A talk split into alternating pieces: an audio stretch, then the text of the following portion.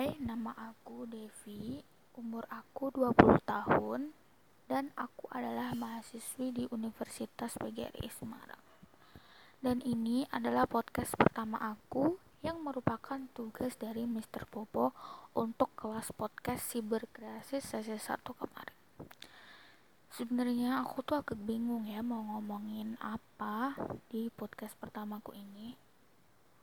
Tapi kayaknya aku mau cerita kenapa aku ikut kelas podcast berkreasi ini. Jadi, aku tahu kelas podcast ini dari snapgram Bang Raditya Dika. Pas lihat kalau kelas podcast ini gratis, aku langsung pengen daftar tuh. Kenapa enggak kan? Gratis, dapat ilmu juga.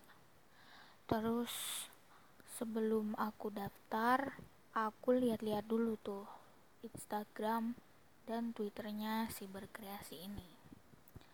Ternyata di kelas podcast si berkreasi ini itu mereka kan kerjasama sama Kominfo dan juga Google Podcast.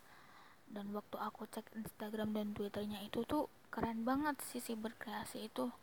Jadi aku langsung tambah tertarik nih ikut kelasnya kelas podcast si berkreasi ini. Dan walaupun aku belum pernah dengerin podcast aku pengen banget dapat ilmunya.